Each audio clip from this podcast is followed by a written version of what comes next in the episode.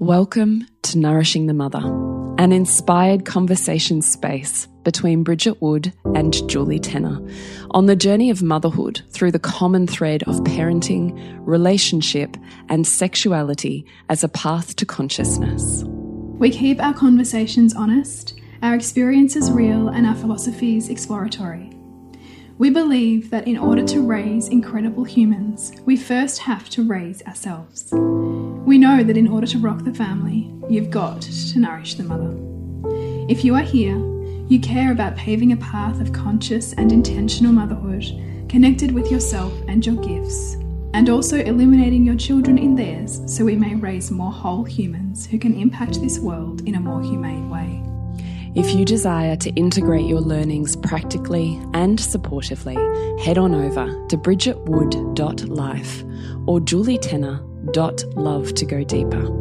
And for all live streamed, pre release podcasts and all our free content, head over to our free Facebook group, Nourishing the Mother with Bridget Wood and Julie Tenner. We are Julie Tenner and Bridget Wood, and we are so grateful you're here. Hello, and welcome to Nourishing the Mother. I'm Bridget Wood.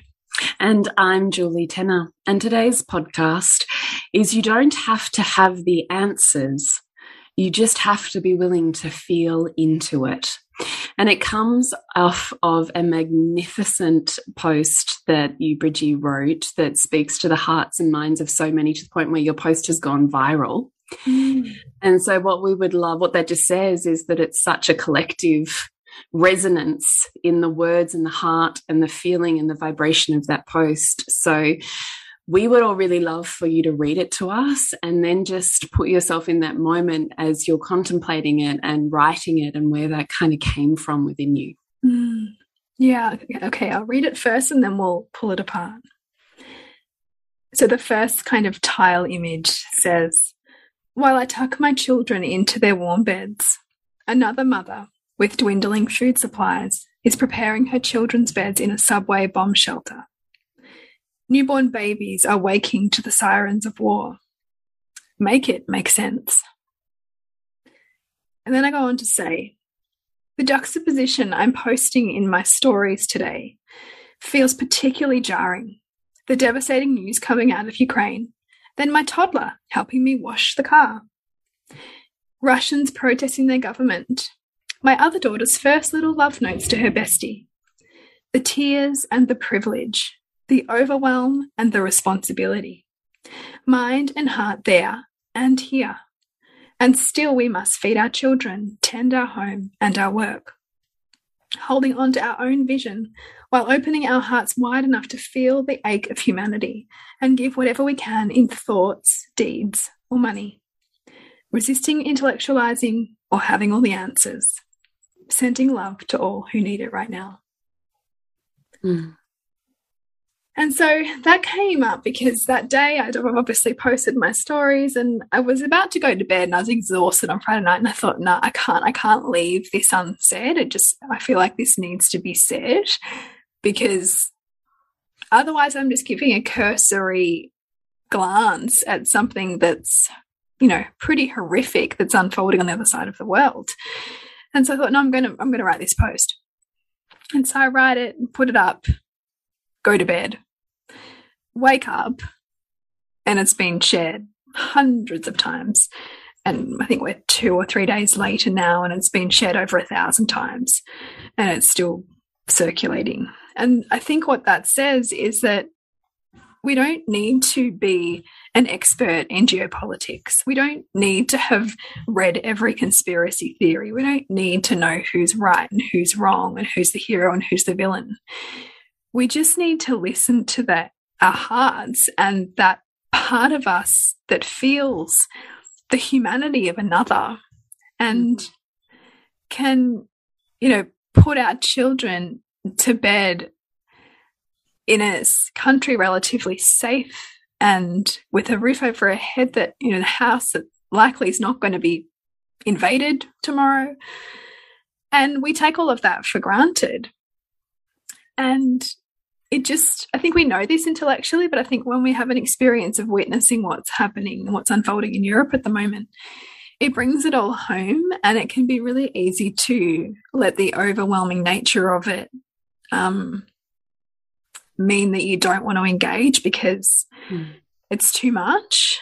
But I think on some level, we need to have a foot in it or a, you know some part of ourselves touch into that kind of experience of another and be reminded of our privilege, mm. be reminded of our responsibility that comes with that privilege in terms of how we use this one precious life, the way we've been born into a country that's, you know, largely democratic, and also with the way that we raise our children.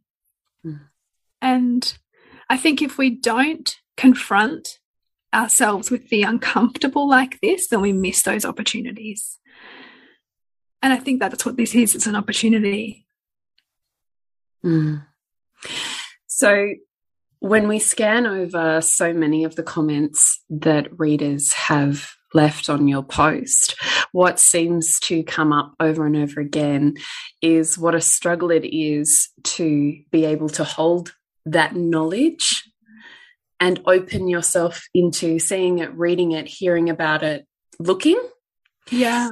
And the struggle between being able to hold that in a human heart and body and then almost do what your post is talking about, which is transpose that experience onto your own life and your own children. And then have this struggle between, as your post said, I can't even make it make sense. I can't I can't place it. I'm having, I'm ping ponging. I'm having trouble being there and here, and I can't regulate and be present. Yeah. Yeah. In my life and with just the horrors that are taking place. I mean, how do you find, how do you find yourself able to do that? Um, with this, this is where I become acutely aware of my media consumption because this kind of, you know, any kind of big media event, which a war is, which COVID is and was, can become addictive. You know, our brains can kind of hit like this. We want to get our fix with the latest update, right? Even if we can do nothing about it.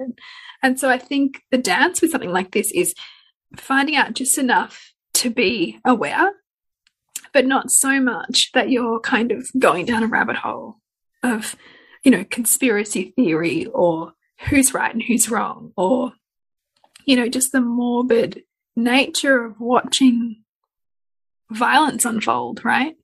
Mm -hmm. So I think it's just becoming very aware of how your behavior is sh being shaped by this so that you can mm. become boundaried.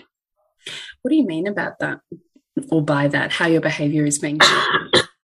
because once you start looking at these articles, at the footage coming through, you know, and like I know TikTok's like, not that I'm on TikTok, but lots of stuff's getting reshared from TikTok. You could just sit there for hours just watching what's coming out because it's unfolding in real time.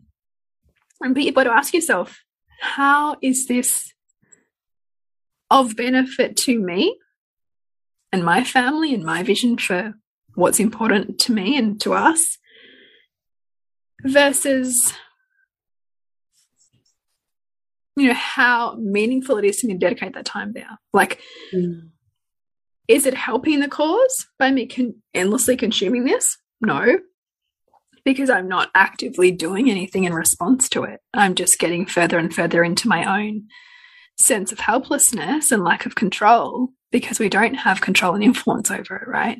Mm. I think it's important to look at in the context of issues like these, like what is my circle of influence? Mm. And taking in just enough information for it to be meaningful to your circle of influence and no more. Because your circle of influence is your family, your community, your business, you know, whatever that looks like for you. And so there's a responsibility to have some level of awareness for your own sense of well-being and for your family vision and for what you want to communicate to your children and maybe combat any misinformation that they're getting. But beyond that i think we just need to be careful. Like any kind of you know media consumption of is this helpful or is this mm. harmful? Is this adaptive or maladaptive now? Yeah. I love that. Is this helpful and adaptive or is this unhelpful and unadaptive? Is that what you said? Yeah. And also we've got to remember we've got to remember too like so much of the world now if you give in the last two years we're operating in a stress response Mm. Like our nervous systems, for it's many pinging. of us, it's pinging. Mm. So COVID's kind of on the, you know, like kind of it's peaked, right? Like kind of we're coming off like the the drip, the daily drip of the daily numbers, right? Which pe some people have become very hooked on. Um, in terms of their nervous systems and the stress, like, you know, like cocktail that that brings up. And so you can be looking for the next thing. What's the next, like, little stress cocktail you know, well, basically the stress cocktail that's already existing in me, what's the next hit I can get to get those same feelings? And it's often unconscious like that. But that neurochemistry as has been set up for, you know, months and months, if not years. Mm. And so we also need to be mindful that we're not allowing this to take up that kind of space. Mm. This podcast is brought to you by Honey Club and Reimagining Motherhood, your spaces for intimacy and feminine embodiment, and conscious parenting and inspiring motherhood. Come join us at julietenner.love and bridgetwood.life. I also love that one of the posts or one of the comments on your post was really just talking around how what she got out of your post and what she was resonating with was how to keep your heart open mm.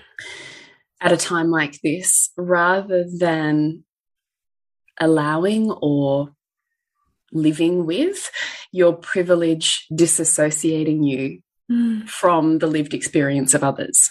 And mm. you do that kind of shut down, close down, switch off. It's too hard. I can't know about it. I haven't got the energy blah blah blah mm. insert the privilege that you have to be able to disassociate yeah yeah yeah which i in i was at coffee with mums this morning and that was the narrative i was hearing mm. And i can witness that narrative in myself i mean this is the thing right when you're born into privilege it's constantly a process of going whoa holy moly, there's my privilege again. Whoa, let me just like check that for a minute and work out what I want to do here consciously. Mm, yeah. What is your secret, or how do you see it that we're able to balance that disassociation of privilege versus having a heart that's open to connect to another mother over the other side of the world, having a completely different lived experience? Mm. I would also add another version of what the dissociation looks like from and like what another like protective mechanism looks like, which is immediately intellectualizing it mm. and kind of saying like which is lots of people doing like the lots of people saying oh this is all just you know look into the world economic forum it's totally rigged this is you know this is you know this was always planned this was always a plan to kind of you know overtake ukraine and they're all kind of interconnected and you know people pushing that kind of narrative as if to say wake up you know you don't even know how this is you know you're another sheep because you don't understand the context of this and you're buying into it what that very thing does is completely disconnect from the human experience which whether you're right or wrong is beside the point because people are still dying.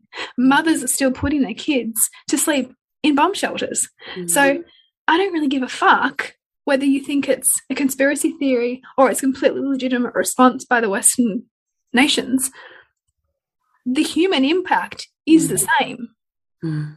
But what can happen as as a way to not feel that there can be this kind of self-righteous Mm. And it happens on both sides. It happens on the conspiracy theory side versus the geopolitical expert who, you know, can't stand Russia and all of that, right? On both sides, they both invite you to not feel Mm, to skim over the harm. To skim over the harm. Mm.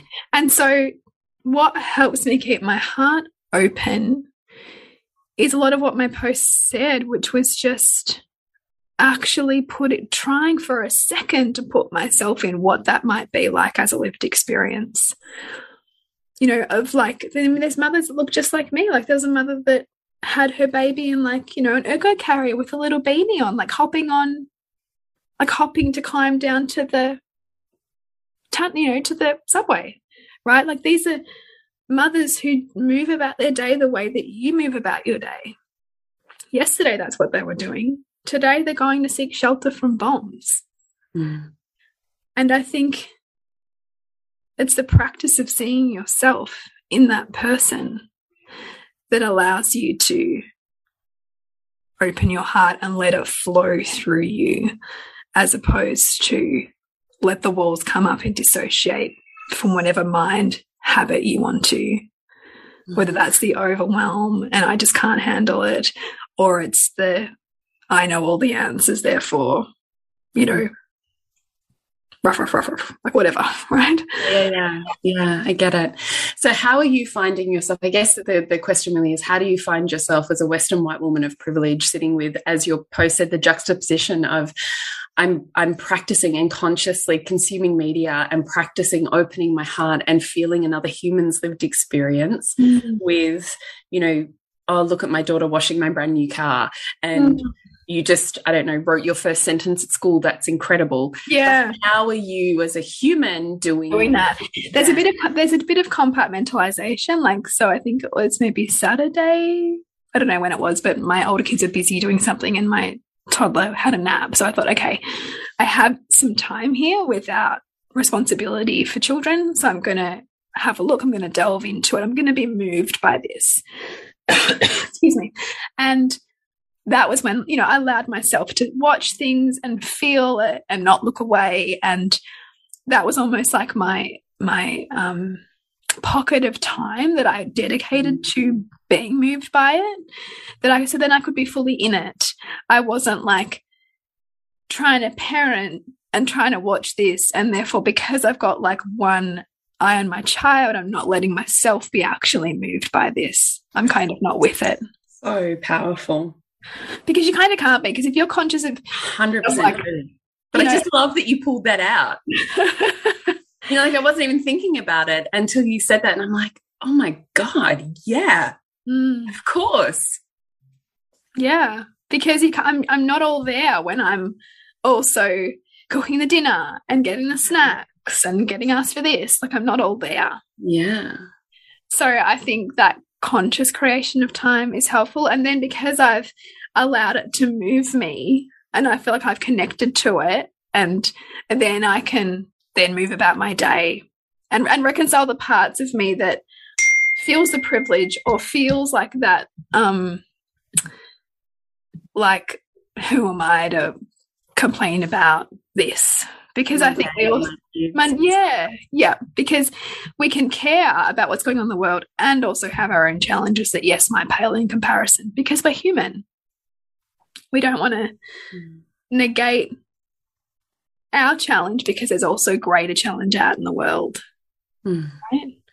Like but, being able just to be with both rather yeah, than passing judgment, shaming, or shutting up or shutting down. Yeah. Fun. Just actually what your the invitation that I hear from you is just actually create time to sit in both. Yeah, to actually, and which is which is like that sitting in that like liminal space in between, or being in that complexity, and noticing the parts of you that want to leave it or want to resolve the tension of it and just practice staying there a little bit longer. Mm. That's such beautiful advice. Mm. So, yeah, it's not a podcast with answers, it's just a podcast with invitations. This one, isn't it? It's like, yeah, we don't have to have the answers for this. And what I've also found myself doing is connecting with you know, friends of mine who perhaps might have grown up in Ukraine, or I've got other friends who grew up in Poland, and just as a way to kind of understand the way of life in many of these um, Eastern European countries and the context with which the people are responding in the way that they're responding, so that I can feel into and become more aware mm. as well. And that helps to also understand these people's lived experience a little bit more. Mm. Mm. Thank you so much for one putting words to an experience that perhaps many of us couldn't, but also just for offering us just a moment to pause and reflect and decide how we wish to consciously move forwards mm. and how we hold ourselves and be in our lived experience of moving forwards and knowing that has ripples then onto our kids' lived experience as well. So I just also want to say thank you for the invitation just to open it up. Mm, thank you, and I want to add too. There's a um, there's lots of ways to obviously contribute to the to this issue. Like you, you can reach out to people who have family there. Like I dropped a friend, I've dropped a bunch of flowers off to a friend of mine whose family's Ukrainian, and and you might just ch choose to give to the Red Cross. But I would also notice the part of you that um, you know, if your urge is to just give all of this, also notice, well, what's that like? What are you not feeling in immediately just giving? Because mm. sometimes we can just give something and feel like, oh, we've done our thing. I don't have to feel that anymore. Whereas I think we need to moderate that too. Like, of course, be generous and do whatever, give in whatever way feels meaningful to you, but also notice um, what comes up in you when, when that's, if that's your reflex as well. Mm. Mm. Thank you, Bridgie. So we love and invite any conversation you have on reflections of our podcast, or if you would like us to dive into a particular content or topic or question, so please reach out to us at nourishingthemother.com.au or Nourishing the Mother on Instagram and Facebook. And to connect with you, Bridget. Yeah, it's bridgetwood.life. And you, Jules? Is julietenner.love. Remember to nourish the woman to rock the family. And we'll see you next week when we continue to peel back the layers on your mothering journey. Thank you so much for listening. We literally couldn't do this without you. Please share this podcast with anyone you think it would be medicine for. If you desire to integrate your learnings practically and supportively into your life, then head on over to bridgetwood.life or julietenner.love to go deeper. And if you feel like giving back a little to this free content, Please rate us on iTunes or Facebook, all of which helps the podcast reach more mamas who need this type of tonic for the soul.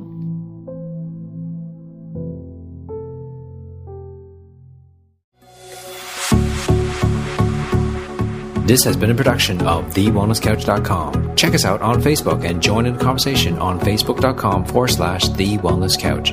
Subscribe to each show on iTunes and check us out on Twitter. The Wellness Couch, streaming wellness into your lives. Whilst the Wellness Couch presenter endeavor to provide accurate and helpful information to their listeners, these podcasts cannot take into account individual circumstances and are not intended to be a substitute for health and medical advice from a qualified health professional. You should always seek the advice of a qualified health professional before acting on any of the information provided by any of the Wellness Couch podcasts.